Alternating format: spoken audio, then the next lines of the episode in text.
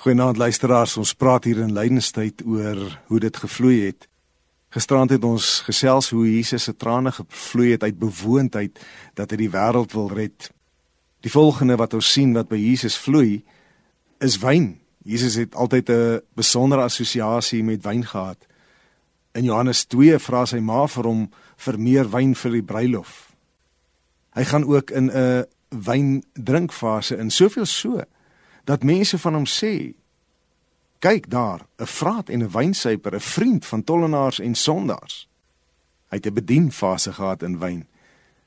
Wanneer ons in Lukas 22 lees waar hy vir sy disippels sê: "Hierdie beker is die nuwe verbond, beseël deur my bloed wat vir julle vergiet word." En in dieselfde asem ek sal dit nie weer neem voordat ek dit saam met julle in die koninkryk neem nie. So ja, Jesus het die wyn laat vloei, maar dit was sy wyn vir reiniging, vir genesing en die vuur van die nuwe fees na sy opstanding.